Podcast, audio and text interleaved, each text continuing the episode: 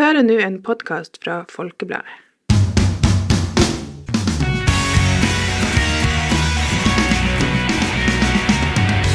Ja, hei og velkommen til eh, en ny episode av eh, Sportspraten, Folkebladet sin svært så eh, sporadiske sportspodkast.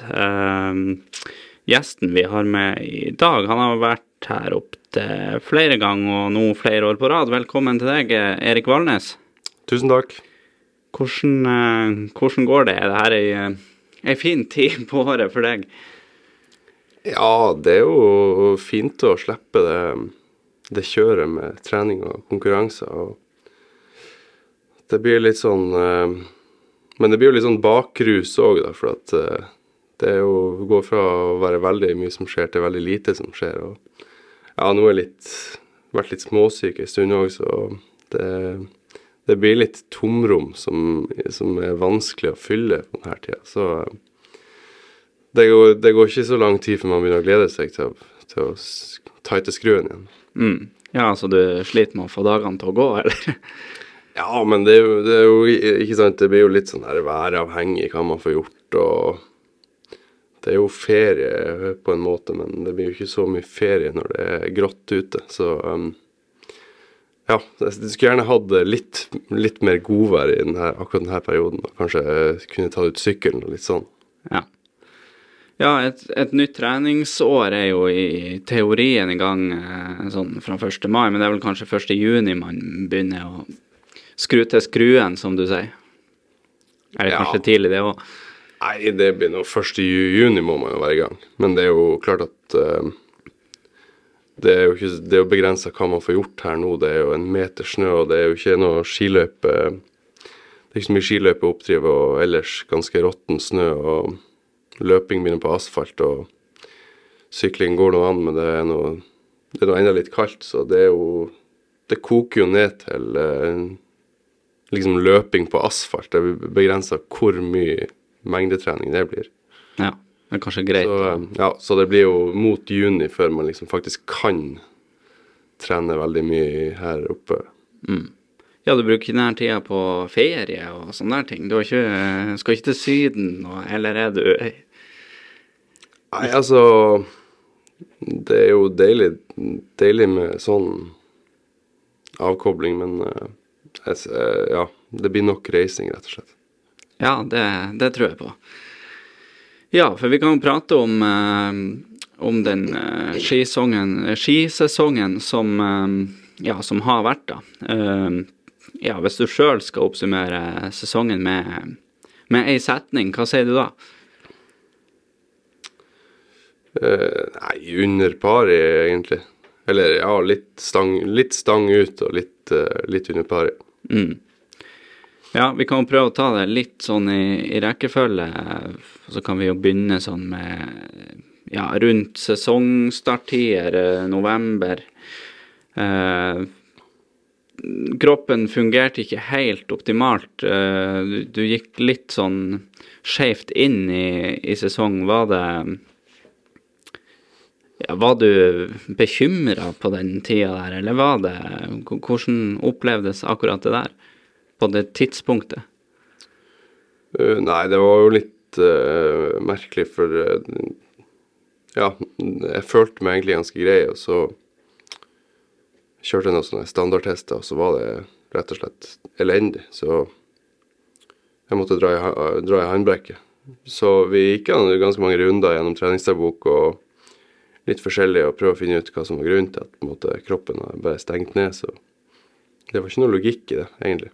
Nei, dere fant ikke Det var, det var, ja, nei, det, vi fant jo ingenting av det. Var, det var en hårfin balansegang der, så Men det er jo klart at totalen ble jo for stor, så eh, Så det var jo en kropp som sa ifra, men eh, det var ikke noe sånn her eh, veldig dramatisk. Det var jo egentlig bare å ta det med ro i noen dager.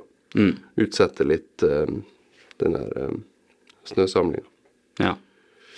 Ja. Har du kjent på det mange ganger i løpet av karrieren at ok, nå må vi faktisk dra i håndbrekket og, og ro, roe litt ned?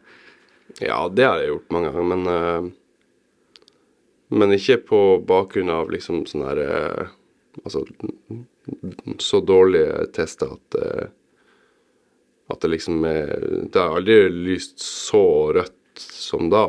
Nei. Spesielt med tanke på at kroppen ikke Altså, min egen følelse var ikke Stemte ikke overens med Ja, det de målbare eh, parametrene tilsa. Så da Det er jo Da er det noe rart, ja. Ja. Men eh, ja, det er jo lenge til VM, og de viktigste tingene på det her tidspunktet Altså Selv om det er rundt sesongstarttider, da, det er vel ikke det verste tidspunktet heller, at du kjenner på det, at du må bremse litt. Nei, men det har jo ganske mye å si hvis man skal være liksom norsk eh, Norsk langrennsløper og gå skirenn, så, så så blir det vanskelig å komme skjevt ut, altså. Ja. Det, ja, man er jo avhengig av ganske ferske resultat for å få gå neste skirenn, så Så ja, det er jo Sånn formmessig så har det jo ingenting å si å miste ei uke i november, eller ti dager i november, men eh, ja, som norsk eh, langrennsløper så må man jo være med, da. Ja, ja, det er mye konkurranse, for å si det sånn. Men eh, du kom jo da til Du kom jo til verdenscupstart, da. Uh, leverte jo bra den helga der. Uh, og så kom det noen tyngre uker, da. Uh, Lillehammer, Beitostølen. Eh, det er kanskje litt sånn det er når man har fått trent litt dårlig, at det vil svinge litt fra dag til dag, nærmest. Ja, men det, det, det var jo Det var rett og slett sykdom. Det var jo eh, Rukka Der fikk jeg jo egentlig litt for godt betalt, kanskje. Jeg tror ikke jeg var i så bra form at jeg liksom Nei. skulle være dypt inne i topp ti på omtrent alle distanser. Så det var jo Det var jo veldig bra. Men eh, ikke noe testrenn i Monio helga før der som var veldig bra, så jeg visste at formen var grei, men på en måte der, det, det var mye som klaffa i Rukka. Selv om jeg ikke fikk, eh, fikk meg noen pallplass der, så var det Ja, jeg kjente jo at nå er formen bra, så skjønte jo at kanskje det kom til å svinge litt. Og Ja. Sprinten på Lillehammer var jo litt sånn Der kjente jeg egentlig mangel på sprinttrening, for at det var jo det var, Jeg slokna litt, rett og slett. Det bruker jeg å gjøre. Det, egentlig det, det, har det er lenge siden det har vært et problem. Men så fikk jeg eh, Jeg var veldig sånn her sår i luftveien etter, Ja, etter eh, den sprinten. Jeg gikk 20 km, og det var liksom Kroppen var bare helt sånn avskrudd. Ja. Og, og det tok jeg jo med meg. Jeg var på Sjusjøen da, i lag med et par stykker og, og trente der og kjente liksom at dæven, nå, nå nå er jeg ordentlig sår i luftveien. Pusta, pusta hardt og fått skikkelig juling. Så har jo litt sånn astma. Så det er jo egentlig ganske vanlig å utvikle det eh, som skiløper. Eh, og jeg tok det jo sånn halvveis på alvor, da. For at kroppen føltes jo bra. Altså, jeg trente jo, jeg trente jo hver dag og prøvde liksom å trene veldig rolig og pleie luftveien så mye jeg kunne. Trodde jeg var klar til å stille til start på Beito, kjente at jeg var sånn sår enda, så gikk jeg en prolog der, og da var det bare Det var som å puste gjennom sugerør, og jeg ble jo sjuk på minuttet omtrent etter jeg kom i mål, så Ja. jeg har jo skjønt i ettertid at det var Det var rett og slett en sykdom som brygga i fem-seks dager der. Veldig irriterende. eh, veldig Ja, det er ikke så ofte det skjer, da, men eh, veldig sånn vage symptom som Mm. Det slo liksom ikke ordentlig skikkelig ut, da. Nei, det lå og vippa der, så da mista jeg jo egentlig veldig mye, og det å miste Tour de Ski Det var jo Det var ikke, egentlig ikke mange dagene jeg var uten trening der, men jeg mista jo ufattelig mange skirenn. Ja. Ja, for du eh, Ja, du gikk jo ikke noe renn på ei stund etter den eh, brologen der på, på Beitostølen, som du sier. Eh, da tok du deg en ja, tre-fire ukers treningsperiode eh, hjemme i, i Nordlia og Tromsø. Gikk litt romjulsrenn. Eh, men det så ut som det skulle til, for du, du var, var ordentlig tilbake igjen på nyåret. Ja, altså, jeg hadde jo Jeg så jo at her har jeg fem uker, tror jeg det var, på å trene. Så eh, Ja, det, det er jo egentlig en veldig ro finner ro å få midt i sesongen. Da. Men det er jo Ja, man, det er jo vondt å ikke gå skirenn og se på TV, da. Det er jo, jeg skjønte jo der og da at nå har jeg mista mange muligheter videre i sesongen til å liksom vise at jeg er litt solid på distanse òg, kanskje. Ja, ja, for du mista vel egentlig Det var ikke mange distanserenn du gikk denne sesongen kontra sesongen før det, for å sammenligne. Nei. Og, nei, og så Og så eh, Ja, det var ikke mange Det har ikke vært mange skirenn i vinter på distanse. Jeg føler liksom at, eh, at det har vært noe klaff heller, så Nei. Fokuset ble jo egentlig på det tidspunktet der før jul allerede bare flytta. Nå er det sprint som gjelder, så Mm. skjønte jeg vel egentlig at uh, Ja, måtte vinne noen Scancup-renn for å få gå uh, distanse. Og distanse i NM gikk jo ikke før vi skulle til Livigno og gå World Cup, så Så um, ja. Det, det ble vanskelig. Mm. Men eh, på World Cup-laget i, eh, i uh, sprint, der, der var det jo selvfølgelig eh, og gjorde det bra. Uh, Starta med scancup der i Falun, og så og så var du jo bra i, i verdenscupen, men, men det var noen ting som gikk igjen og igjen som eh, nesten så ut som du var eh, cursed i vinter. Eh, Selv om du så kjempepigg ut, så, så ble du involvert i uhell og fall og det ene og det andre et par ganger der. eh, Og du sa det vel ganske godt sjøl på det tidspunktet at eh, nå følte du at du fikk lite igjen for det treninga du gjorde. Hvordan, hvordan var alle de der situasjonene der? Eh, nei, det var jo et par eh, litt uheldige eh, situasjoner. Eh, det er jo Når du har fem uker midt i en sesong og det går masse skirenn, så det er jo ei bue som blir på en måte spent opp ganske Ja, ganske mye, da. Så det blir jo litt sånn man er ganske gira på å få det til med en gang.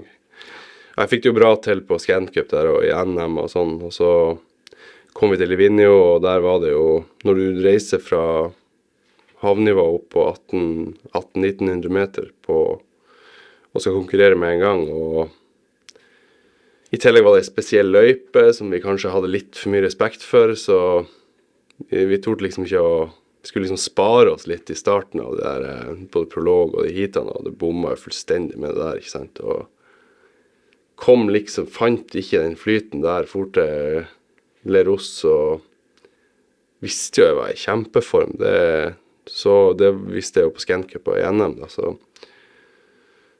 Så der var det liksom sånn skikkelig nå, klassisk sprint, nå er det bare å Så det, det kan ikke mislykkes. Nå er jeg i så bra form at det er bare å ta styringa. Og, og så um, gjøre en liten taktisk bommert der, da.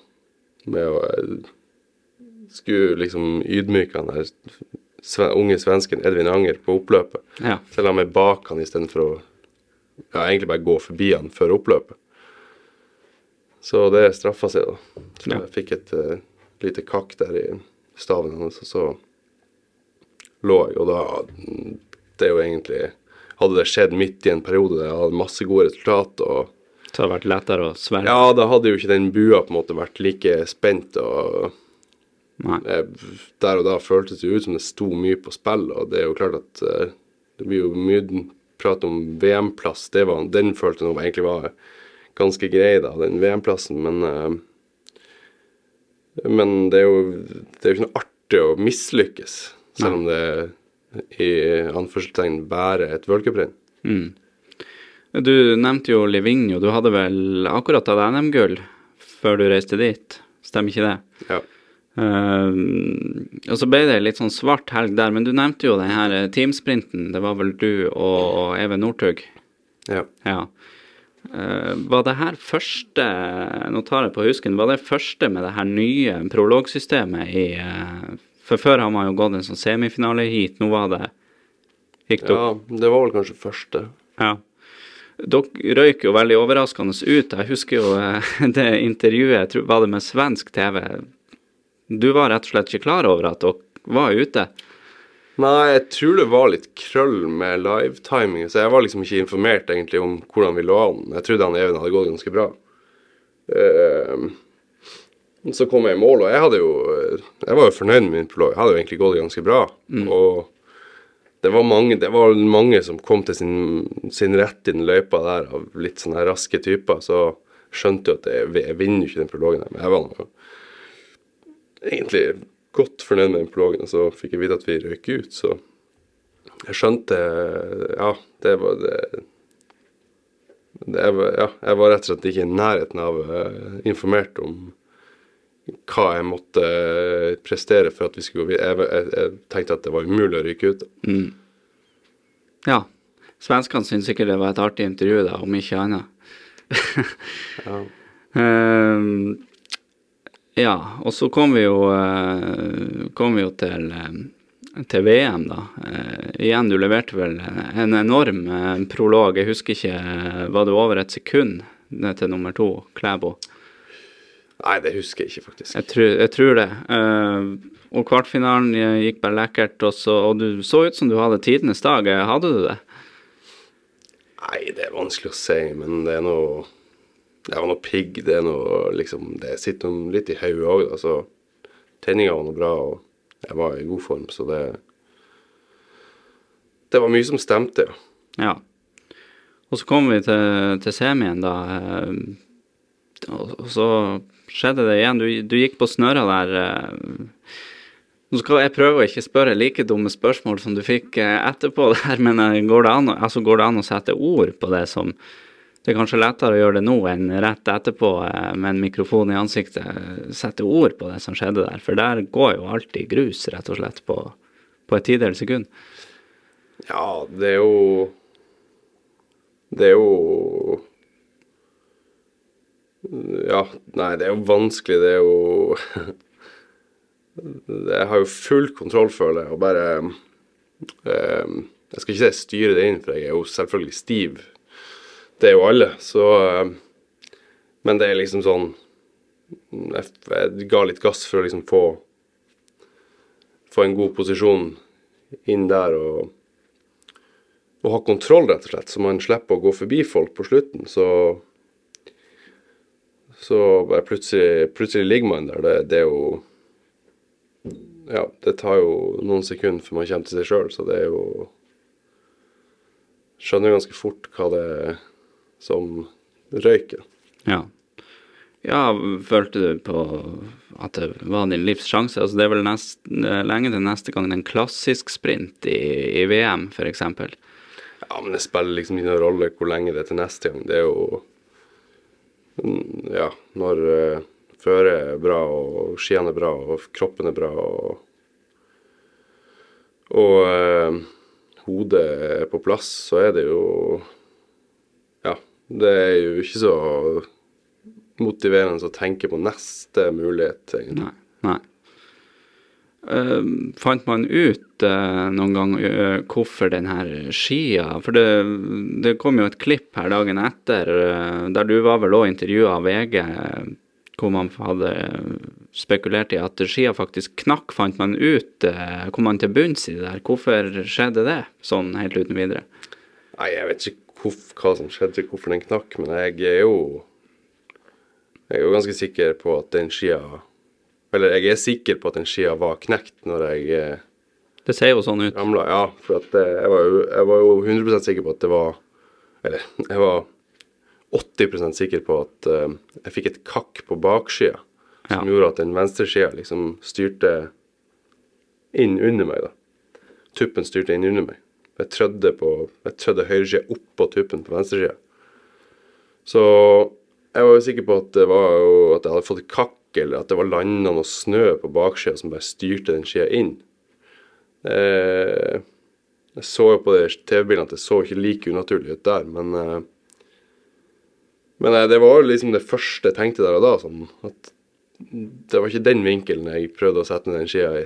Så jeg, som man så på de TV-bildene, så spretter liksom tuppen på skia veldig mye. Så jeg tror egentlig at det er det som har At den tuppen har ikke liksom fulgt rytmen til skia. Når jeg sparka ifra, så trodde jeg skia var i lufta, og så spretter tuppen ned, da. For at, Ja. ja, at den rett og slett tar litt tak i underlaget, da. Og drar skia, skia inn når jeg tror at skia er i lufta. Så skjer det så fort at det, da, er man jo egentlig utspilt. Det er jo Det føltes ut som jeg ble finta ordentlig på ræv, rett og slett. Mm. Ja, det kan vel ikke finnes noe mer kjipt tids... Altså, hvor ofte knekker ei ski på den måten? Altså, jeg har knekt ei ski, tror jeg. det er den? Ja. Ja. Og du har eh, gått på ski noen år, så det sier vel sitt om hvor sjelden det skjer. Ja. Ja. ehm, så må jeg jo spørre, du stilte jo opp i, i mix-zone etterpå tross den uh, enorme skuffelsen. Det var Uh, Hva syns du egentlig om det spørsmålet? Hva føler du nå som du fikk der? Nei, men det var jo litt sånn her Forhistorien forhistorie nå med eh, Leros, og der var det liksom inn til Viaplay med en gang, for at vi er jo litt forplikter oss jo litt til å Ja. være litt kjapp eh, eh, for, å, for å løfte produktet langrenn, rett og slett. Så i World Cup så blir vi liksom jaga litt med en gang bort mot, så så får jeg jo det der, der spørsmålet slengt i trynet allerede i Lilleros av Paul Gordon, og det Ja, altså, da slo det meg bare at hva skal man svare på et sånt spørsmål? Jeg har ingenting å svare på det spørsmålet. Nei. Så da liksom Du fikk det mange ganger etter den VM-sprinten. Ja, så det var liksom samme greia på nytt, bare det var opphøyd i andre, da. Så um, Nei, det var, det var egentlig bare det, det at jeg, jeg vet ikke hva jeg skal svare på det spørsmålet. Mm. Fordi at uh,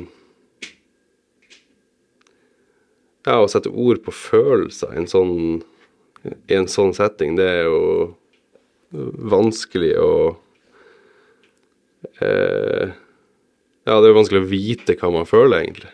Mm. Det er jo en setting det aldri Eller Ja. Det er vanskelig å snakke om det der og da, og det er vanskelig å sette ord på det nå, liksom. Så det er jo, det er jo en helt unik følelse. Mm. Ja, det sies vel i, i medieverdenen at eh, dårlige spørsmål ofte gir gode svar, men det var vel ikke helt tilfellet her, tror jeg. Nei, men altså, jeg, det- jeg hadde ikke noe svar, rett og slett. Så det er jo Nei, så da, da ble det sikkert sinnssykt dårlig intervju. Ja.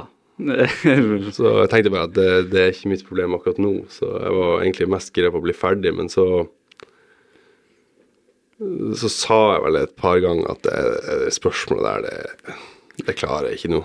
Ja, ja, for det funker vel sånn eh, For de som ikke har vært i en sånn her mix-sånn, så står jo folk litt sånn på rekke og rad bortover, så du må jo stoppe flere ganger, eh, regner jeg med, bortover, og du får det samme spørsmålet igjen og igjen. Ja, og så er det jo litt sånn eh, Hvis jeg hadde blitt eh, hockeytakla av en annen, så hadde det vært på en måte Det hadde ikke vært greit, men da, da kunne jeg i hvert fall hatt en, lagt en person for hat og gjort det personlig, liksom, og bare eh, virkelig hatt noe å være irritert på. Ja, sånn som Taugbøl i samme Ja, sprint. for at det går jo på en måte over etter ei stund. Ja. Eh, det er jo kanskje Også i sånne settinger så bør man kanskje holde kjeft, men eh, Men eh, med meg der så var det liksom Jeg følte jeg hadde noe å skylde på. Jeg følte, altså, jeg, jeg var jo ikke klar over at den skia var knekt fra før av. Jeg reagerte jo selvfølgelig på at den knakk så lett. Men eh, det var ikke noe jeg tenkte over der og da. Jeg tenkte bare at det her gikk Det her gikk ikke. Så Så jeg tror det irriterte meg litt at alle de journalistene var kun interessert i hva jeg følte, og ikke hva som egentlig liksom skjedde. De hadde jo tross alt sett det her på TV, og kanskje sett det ti ganger i reprise, så mm, Ja. Nei, det var, det var liksom uh, absolutt ikke det jeg hadde lyst til å prate om. Nei, forståelig det, da. Det ble jo uh, for meg, og sikkert kanskje mange andre òg, siden du er en lokalløper og sånn, nesten sånn Oddvar Brå-øyeblikk det der. eh, med det der bildet som du som kaster skia, og ja, videoklipp for så vidt. eh, Jeg regner med det, det har du sett eh, i ettertid? Ja, det har jo det. Så, ja. Ja. ja Selv om det var med, med negativt fortegn, da, så er det jo på en måte et historisk øyeblikk, da. Men ehm, du ble jo igjen i, i Planica, du fikk jo ikke reise hjem. ehm, hvor, hvordan var de her første dagene og, og den uka her? Nå ble det jo ikke flere distanser, selv om du var der. Ja, nei, det var jo må jo stille opp. eh, Jeg kunne jo selvfølgelig ha satt meg på bakbeina og krevd å, å få dra hjem, men eh, Nei, det hadde jo Hadde det vært sånn at en ble syk, eller at en eh, Eller at det rett og slett ble tatt ut til noe annet, så hadde jo eh, Det, må, det måtte jo bare Ja. være klart det. Så det er jo Det var jo greit å på en måte ha i hvert fall muligheten der og da til å eh, vite at man kan faktisk eh, få gå noe, og man har jo i hvert fall noe å dra ut og trene litt for. Mm. Ja, hadde du For det ble jo diskutert selvfølgelig teamsprint, eh, stafettetappe var vel kanskje òg snakka litt om, i hvert fall i media, da. Men hadde du sjøl innerst inne et håp om å få gå mer? Nei, egentlig ikke. Det var jo Det var jo så mange som har gått bra, så det spiller på en måte ikke noen rolle at jeg er i god form når det Altså, når andre tar medalje, så er det jo Ja, det er jo greit, det. Mm. Ja. Ja, så dagene dine der gikk nede til å trene litt, og foreldrene dine var vel der nede. Du rakk kanskje å treffe dem? Ja, jeg traff dem så vidt. Det var jo litt sånne covid-restriksjoner Ja. fortsatt med oss, da. Så det traff dem så vidt en dag der. Ja.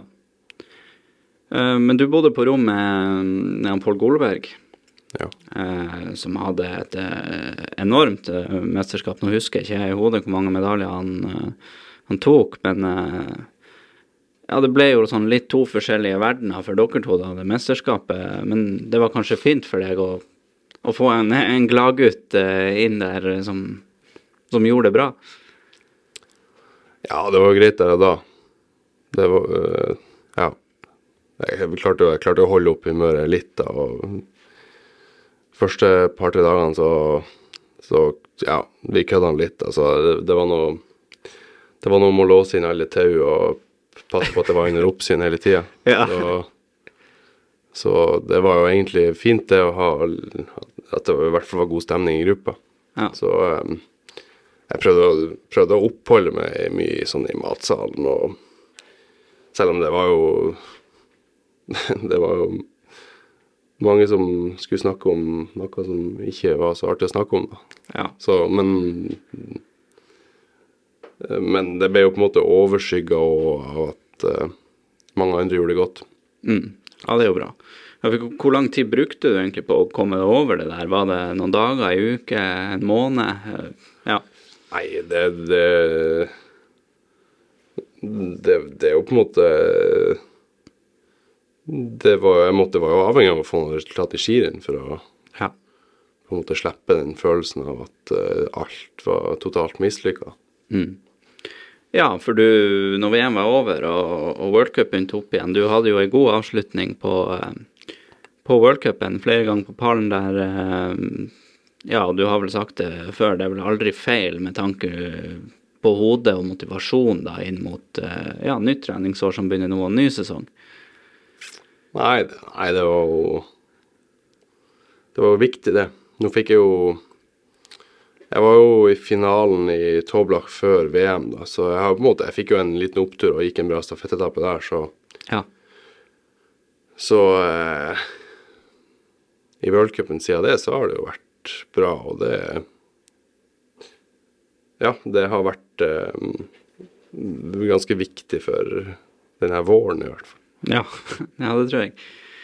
Um, altså, siden du ble senior, da, så har jo egentlig pila pekt oppover. Eh, du har blitt litt og litt bedre, og nesten noen år tatt noen kvantesprang der òg, kanskje, for, eh, fra sesong til sesong. Eh, vil du si at det her var var en sesong litt under paret, sier du. Vil du si det her var første sesong som senior der du har ja, opplevd litt motgang og oppoverbakke?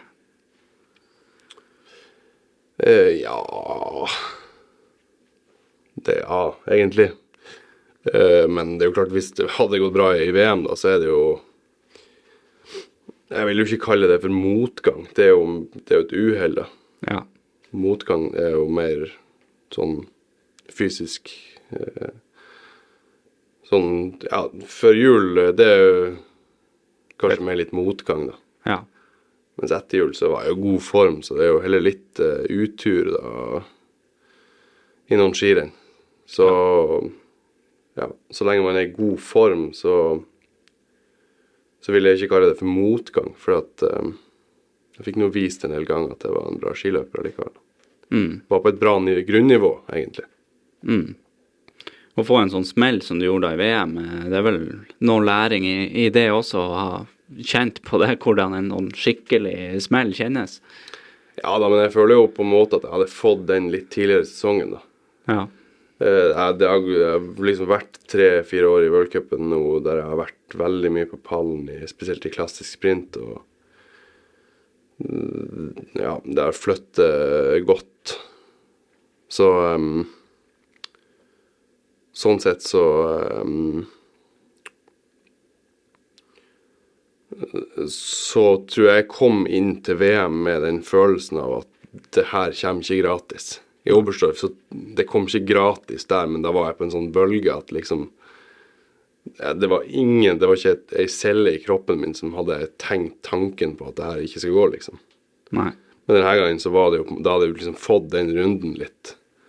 Så da var det mer sånn at nå øh, Nå skal jeg være litt obs på noen farer. Jeg skal være eh, Det er mange ganger der jeg har havna litt seg grann bak, ikke sant, og så har det ordna seg allikevel. Jeg har klart å komme meg fram og eh, den, den, akkurat den posisjonen vil jeg ikke sette meg sjøl i, i Planica.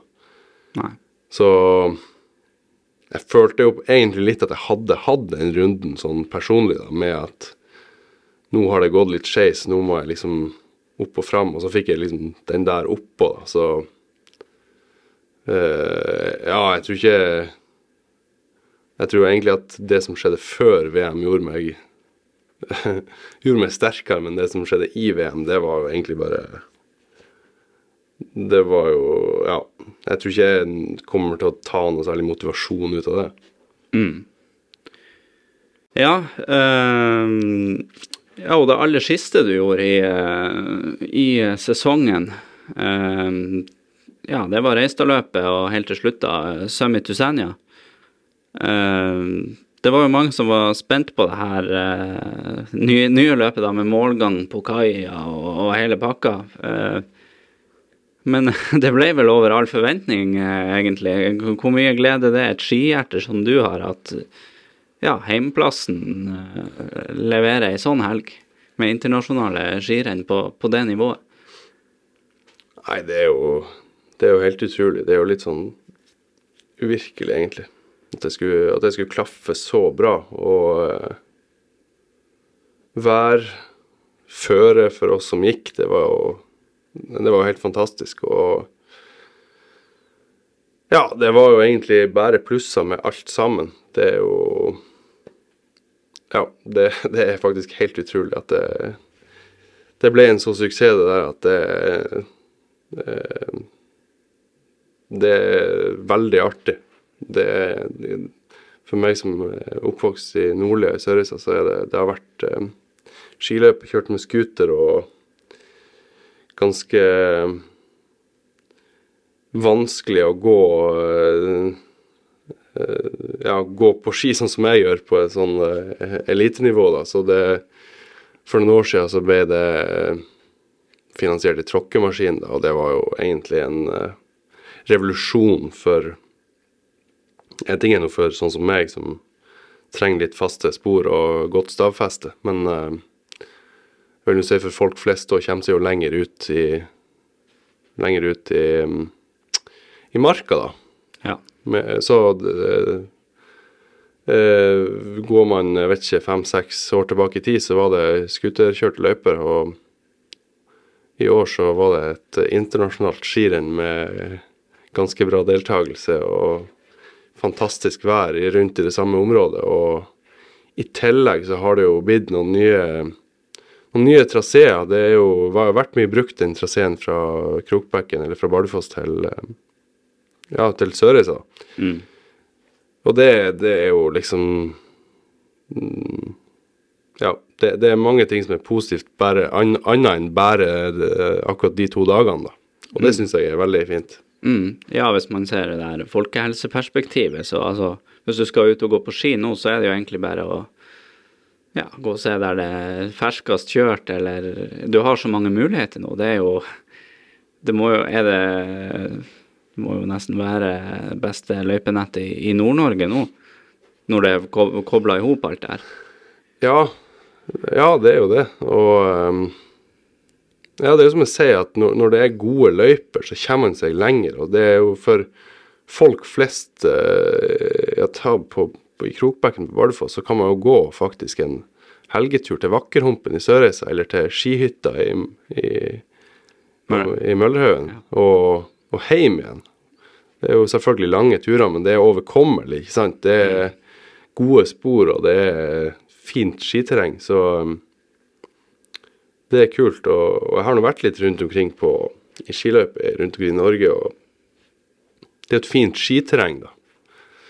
Eh, nå snakker jeg selvfølgelig mye om eh, der jeg går mest på ski, men eh, også nærmere Finnsnes òg, det er jo Ja, det er jo, det er jo helt fantastisk. Mm. Og det at folk stilte opp sånn på, på den måten de gjorde, det Jeg vet ikke, har du sett uh, TV-sendinga fra det her i reprise? Det måtte jeg gjøre sjøl. Nei, jeg har faktisk ikke det, det, men jeg har jo sett veldig mye bilder og klipp, da. ja. ja, for at uh, reklamen man får uh, sånn basert på den ene gangen det har vært der, man må jo nesten tro at det blir en, eh, en fast finale det her i mer enn de tre årene det i, i første omgang skal være. Ja, ja, altså det, det må jo bare bestille det været som var, og eh, eh, været er nå én ting. Det er noe, det er noe bra for TV TV-bildene, men eh, for oss som gikk, det var jo omtrent ikke 100 meter uten at det var, sto en gjeng på to, tre, fire, fem, seks mennesker og lagde liv. Og alle lagde liv, så det, det virker som folk syns det her var kjempekult. Jeg var langt bak i køa der og var, gikk et, eh, et, et dårlig skirenn. Jeg var jo helt ferdig etter reisteløpet, egentlig, så um, Folk, dem heia og jubla og, som det var teten som kom, så det, det var dritkult, og det tror jeg jo Det tror jeg jo kan bli sånn, selv om det er litt skyer på himmelen òg. Mm. Og du merka kanskje at du, du gikk på heimebane, du da, for din del? Ja da, det var nå mye folk som heia. Det er jo selvfølgelig ekstra artig. Men jeg skulle ønske jeg var litt lenger fram. Ja. Og du ble eh, vi kan ta 28, tror jeg. Ja, ja, det, akkurat Du- du vet jeg har ikke, jeg har ikke kontroll på. det. Nei.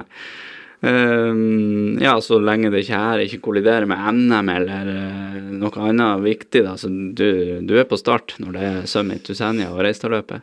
Ja, det kolliderte jo med NM i år, så jeg Ja. fikk jo jeg fikk jo med meg etter et Jeg gikk jo NM på torsdag, og så reiste løpet lørdag, og det her på søndag, så Ja. det var ikke noe problem, det. Nei. Um, du snakka jo litt om eh, hvordan det var å gå. Altså, mange av løperne eh, ja, selvfølgelig skrøt jo veldig av det her rennet, og det ble jo også kåra til, til det beste i, i Ski Classics, da. Men det ble jo mye snakka om denne stigninga opp eh, Magdaskaret. Eh, Hvor tøff var den egentlig? Nei, den er jo tøff, selvfølgelig. Eh, men jeg tror på en måte det er en annen måte En annen eh, en følelse da, når du går det så seint i løpet. Hadde det vært tidlig, så hadde det vært mer sånn Sånn som Orta. Alle er uthvilt, og det er bare Det er motbakkeløp, rett og slett. Men nå var det mer sånn det er bare om å gjøre å ikke være helt ferdig. Ja. Så jeg gikk jo jeg gikk for så vidt ganske bra opp der på Jeg gikk jo på blanke ski, det var jo ikke det smarteste, men eh, Ja, jeg gikk jo ifra den gruppa jeg gikk med, det var, det var jo folk som gikk med feste òg, så jeg var jo egentlig ganske pigg opp der, da, av en eller annen grunn. Så, ja. Så for min del så var jo jeg Jeg hadde, jeg hadde jo næring i kroppen og var litt eh, grann på hugget, så da syns jeg egentlig at det gikk veldig fint. Jeg fant en fin rytme med staking og fiskebein, og gikk aldri på den der eh, storsmellen oppi der. Så jeg skulle selvfølgelig ønske jeg hadde fest under skiene, men eh, Nei, det, det, er jo, det er jo selvfølgelig en hard bakke, men eh, eh, Ja. Det, det er jo fullt overkommelig når man trener, trener mye, og det er jo show. Det er det. Mm. Ja, feste versus staking, det, det var jo ingen som trodde at denne her skulle bli vunnet på, med feste, som Martin Løvstrøm Nyenge gjorde. Du var, var vel òg klar på at det var, det var staking og blanke ski som, som, eh, som gjaldt. eh. Men det går vel Det var jo mange som kom høyt på lista da med å stake. Men det er jo litt det artige med Reistadløpet, og nå også det her løpet som gjør at det sånn sportslig blir litt ekstra, da. Det er jo alltid eh, mye prat i forkant. Skal man stake eller gå med feste? Uh, Vasaloppet og noen av de her andre, der er det jo ikke noe diskusjon om det. Uh, hva, hva tror du det gjør med det, sånn, også for TV-seere, da? Sånn det rent sportslige der? Nei, altså det er jo selvfølgelig litt, uh, litt ekstra, en liten ekstra faktor. Nå tror jeg at det her Summit to Senja er et stakerenn i utgangspunktet. Det var jo litt spesielt med at det var så såpass um, godt skiføre at det, festesmurninga ikke bremser så mye. Ja. Får du et klisterføre, så da er det jo så mye bedre glid og Ja, eller når du står og staker, da, så tar liksom hele tida den festesmurninga litt nedi, da. Mm. det, de fleste førerne så er det jo sånn, og da tror jeg det blir tungt å gå med feste, altså. Eh, man må være heldig med føret, og det var vi jo i år, da. Så um, reiseløpet tror jeg jo at feste er tingen vi, Ja. for dem som kan Som trener på å gå med feste. Mm. Men um, det kan jo bli interessant. Eh, Jeg er, er jo et dumt valg. Jeg Egentlig så gjorde jo ikke noe valg, for jeg tenkte ikke så mye over det. Nei. Jeg registrerte jo på reiseløpet at her er det jo Jeg, har jo, jeg gikk jo med feste, det var jo ikke noe forskjell på glis, så jeg hadde jo kjempegode ski. Så eh, egentlig burde jo jeg bare skjønt da, men jeg, jeg tenkte rett og slett ikke Jeg hadde egentlig ikke noen ambisjoner om den søndagen. For jeg, ja, det, jeg hadde null spesialtrening på lange løp, staking og sånn. Det var, jeg hadde ikke noe herding. Jeg hadde kun trent for sprint egentlig på slutten av sesongen. Så, Ja. så for min del så var det egentlig bare å gå der inne for kos. Men eh, jeg skal ikke gjøre den feilen der igjen. Det skal ikke jeg. Nei. Nei, det var jo interessant å følge med på eh, med Nyenge, da. For den gruppa han lå med, det var vel kun blanke ski de gikk på, de som gikk i lag med han i front, hvis jeg ikke husker feil. Og hver lille kneik, da, så fikk han eh, en meter eller to opp, mens nedover så var det ikke noen forskjell. Nei, og, det- og på flatt, for så vidt. Det er jo akkurat det. Det er jo Da er det jo artig å se på de her eh, de her eh, lange løpene når det er Når du har den faktoren, da. Så jeg håper jo at det blir litt i framtida òg her. At det blir Ja, at det kan bli eh, litt Et litt OK føre for å gå med feste òg. Mm. Ja. Nei, vi gleder til å se deg tilbake på start på Summit Tusenia til neste år og Reistadløpet. Um, men neste sesong ellers, da. Um, nå er det jo tatt ut nye, nye lag, litt endringer på laget ditt. Eh, Ledestjerna er borte, Johannes uh, Høsflot Klævo, han skal stå utafor landslaget. Um, ja, hva tenker du om det, og hvor mye vil du savne den, den matchinga du får fra han på, på samling? Nei, det er, det er jo selvfølgelig et tap for laget. Det er jo Det er jo ikke noe hemmelighet. Det er jo eh, Jeg skulle ønske at han var med. Så eh, Så var han jo mye i høyden i fjor, da. Så det var jo på en måte Vi er jo vant til at han har vært eh, ikke med, eller ikke har vært med på alle samlinger, da. Ja. Så sleit han litt med den der eh, hamstringen sin, da. Så ja, Vi fikk jo en liten smakebit på det i fjor, da, så han ikke var så mye med. Og det vi klar, altså vi, det, det funker jo, vi klarer jo vi klarer oss men eh, Men det er jo kjipt, selvfølgelig. Mm. Ja, men det er vel ikke noe krise. Dere er nå fem eh, jevnt veldig gode sprintere, eller seks, må man tenke. Ja, vi er fem, ja. Fem. Uh, ja, det blir ikke akkurat noe krise. Nei, krise er vel feil, feil ord. Vi, eh, vi er jo ganske jevne, og vi får jo matcha oss, og vi er jo det, vi er jo fortsatt det sterkeste sprintlaget. Det er vi nok. Ja. By far, kanskje òg. Er vel ikke Ja. feil å si. Det, det kan vel stemme, det. Så det mm, er sånn sportslig at vi får matcha oss, det er ikke, det er ikke jeg bekymra for, nei. Nei.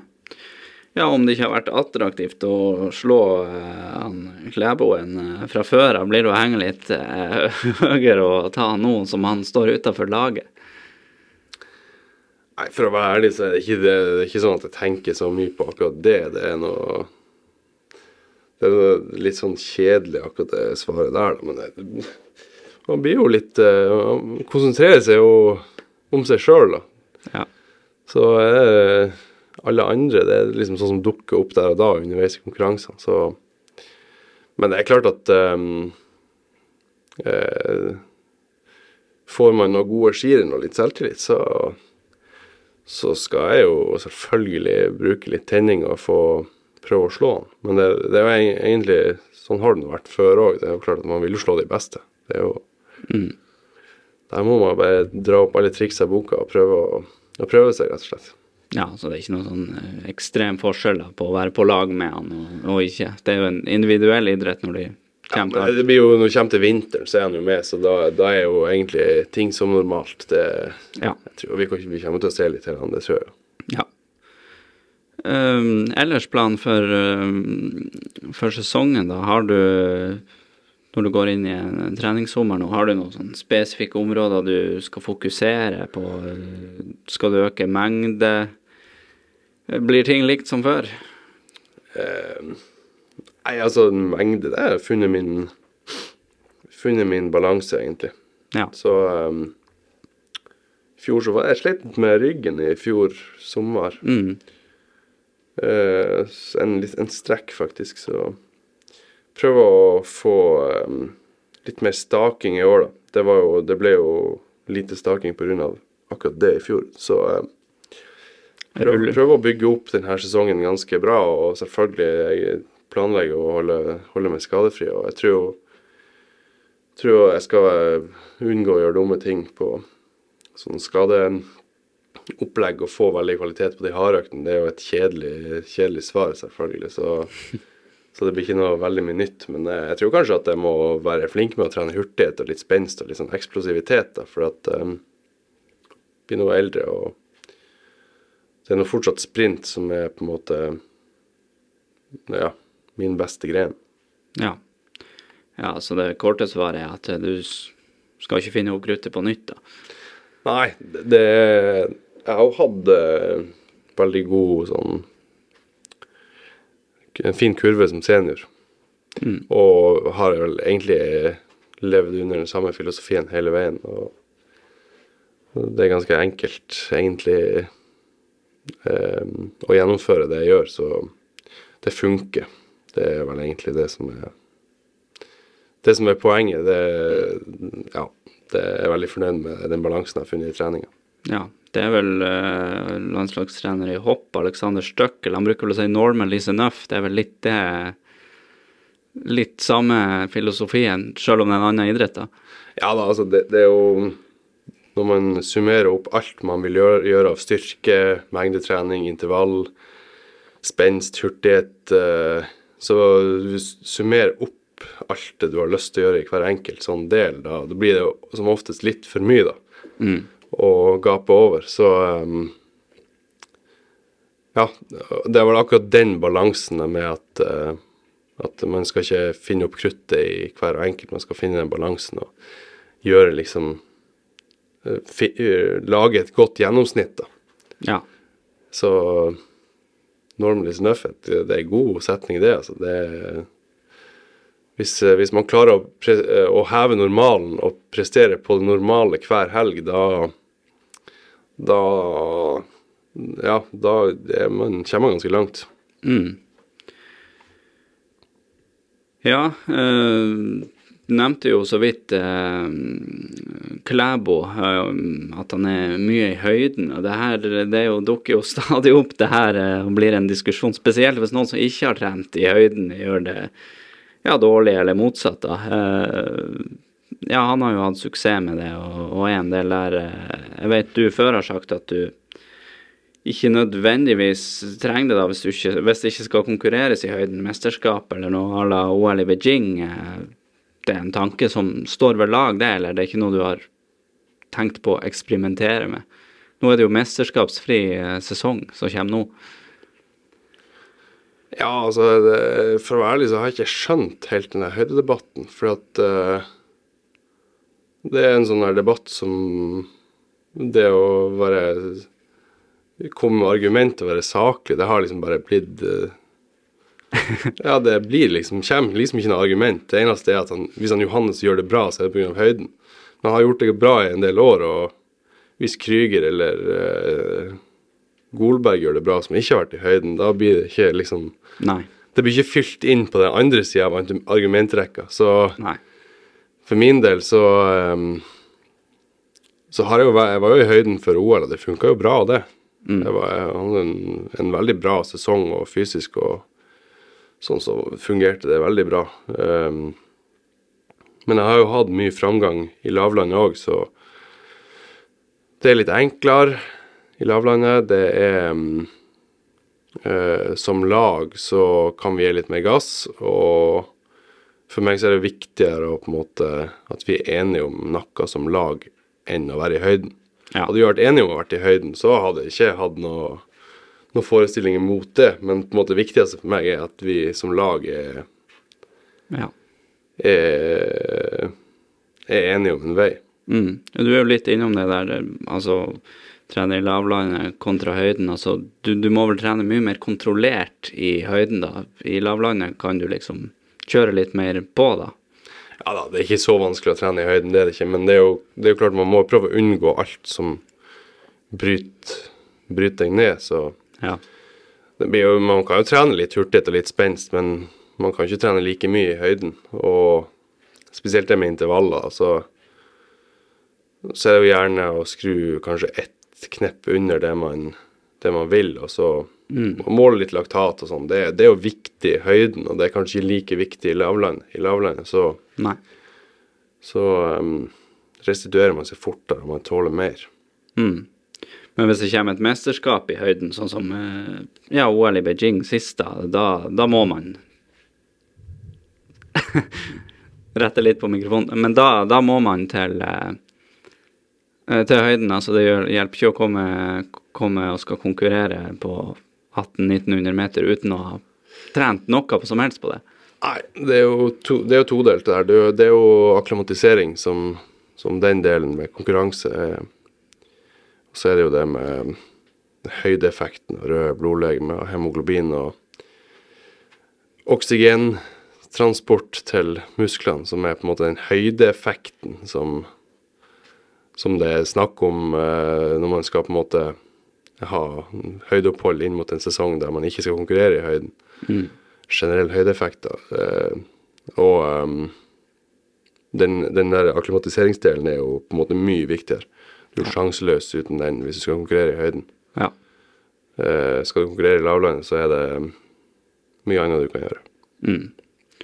Ja, så du følger du- skal på de samlingene som er med laget. Du har ikke, med andre ord ikke noen store planer om eh, noen privatturer til, til høyden i sommer og høst? Jeg har ikke planlagt det, nei. Det er jo klart at eh, jeg er ikke noen motstander mot høyde. Men jeg, jeg er jo litt sånn erfaringsbasert der eh, personlig at eh, så lenge det har funka bra i lavlandet, så, så funker det. Og hvis jeg skulle på en måte til høyden, så da Da skulle jeg gjort det ordentlig. Det hadde vært tre ganger i tre uker minst, og Ja. og skikkelig skikkelig høyderegime. Så um, det hadde jo selvfølgelig vært artig å prøve det, da. Men uh, det er jo mange andre faktorer også som spiller inn. Uh, så for min del, da, som så, Ja, så da tror jeg jo det er mer safe å være, å være i lavlandet. Mm. Ja. Nei, men uh, bra. Jeg tror vi begynner å uh, nærme oss uh, en, en slutt. Vi må jo ønske deg lykke til med de hundrevis av timene du skal legge ned i, i sommer langs asfalt, stier og myrer. Jeg regner med det blir en del hjemme i Sørreisa òg, som vanlig. Ja, får håpe det. Det er jo faktisk et mekka for barmarkstrening, Sørreisa. Skulle, skulle ikke tro det, men eh, det, er, det er fint å få seg noen uker i Sørreisa. Ja. ja, vi kan jo ta, før vi, før vi avslutter, så kan jo du få gi eh, lytterne et eh, tips. For vi går jo mot, mot sommer nå. Mange er jo glad i turer i skog og mark, enten om de går, eller om de skal trene og, og springe, eller hva det er. Hva, hva er ditt beste sånn turmål, eller, eller treningsrute, da, hvis du ville? Oi. Eh, Den er vrien. Det var mange. Ja, nei, altså det er jo en sånn der, en som henger høyt da, for meg som, når det kommer til fjelltur, det er jo Istind Ja. uh, i, i Bardu. Det er jo Det er en fin topp. Det er, den er høy, og det er en bra tur, men det er Den har vært litt sånn for meg at det, det blir jo ikke hvert år, men det bør helst bli en hvert år. Så, så det er en veldig fin tur. Ja, jeg har sittet og lest litt i eh, boka til Marit Bjørgen, og hun har jo, hun har jo hatt sine turer der på, opp til Istin på sommeren, eh, hun også. For de som ikke vet det, så er jo samboer med Fred Børre Lundberg fra, fra Bardu, så det er en fin treningstur òg, hvis du skal trene ordentlig, da, ikke bare tur.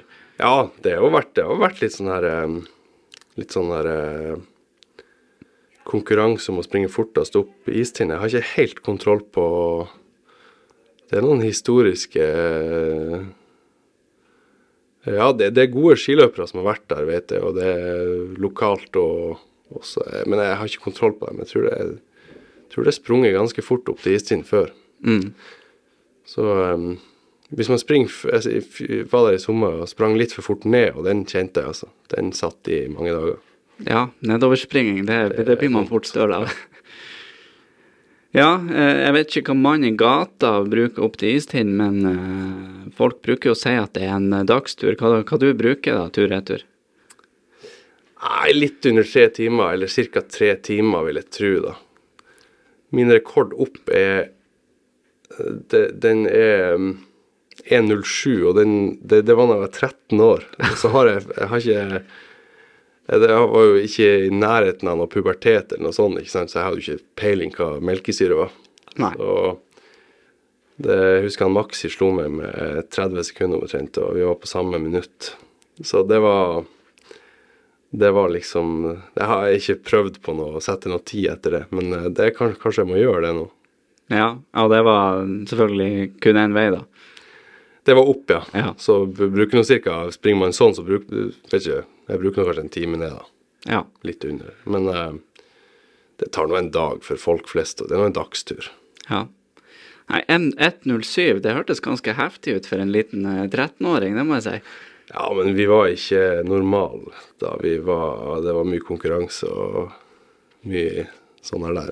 Det var, jeg har skjønt i ettertid at det, var ikke, det er ikke normalt å holde på sånn. Nei, eh, du, du sier jo Maxi, fordi da, da mener du din eh, barndomskompis Maximilian Bie. Eh, du, du kan jo Man har jo hørt noen historier om dere og konkurranse. Ja, du kan jo fortelle sjøl. Jeg har blant hørt ei der det var når dere satt i bilen og skulle passere sånn her eh, 60-skilt. Ja. Det er jo en, det er jo en, en greie langrennsløpere når man går på rulleski. da. Så hvis det, eh, hvis det er dobbel 60-skilt, altså 60-skilt på begge sider av veien, at du kommer inn i en 60-sone, da, er det jo spurt. Det er førstemann. Og så kan det være litt sånn kommunegrense sånn. Det, at da, da blir det gjerne fyrt opp til litt spurting. Ja. Så vi dro det der lenger, så vi var jo liksom Når vi satt i bil i baksetet, f.eks. Og skulle passere de skiltene først, så da blir det å strekke seg fram. Så det var jo det var jo bare tull, egentlig, der. Så, men det var liksom konkurranse på det nivået, så da skjønner man at det var jo Det ble jo spurta til noen fjelltopper, det ble det jo. Ja. ja, sånn i ettertid har det For konkurranseinstinktet ditt har det hatt Har det liksom Når man er, på, når man er der, liksom eh, For det du driver på med nå, på, på mer seriøst nivå, da.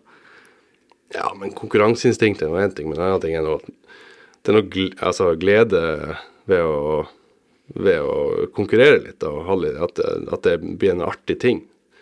Det Men eh, jeg tror akkurat den delen der kanskje jeg har lagt ifra meg nå.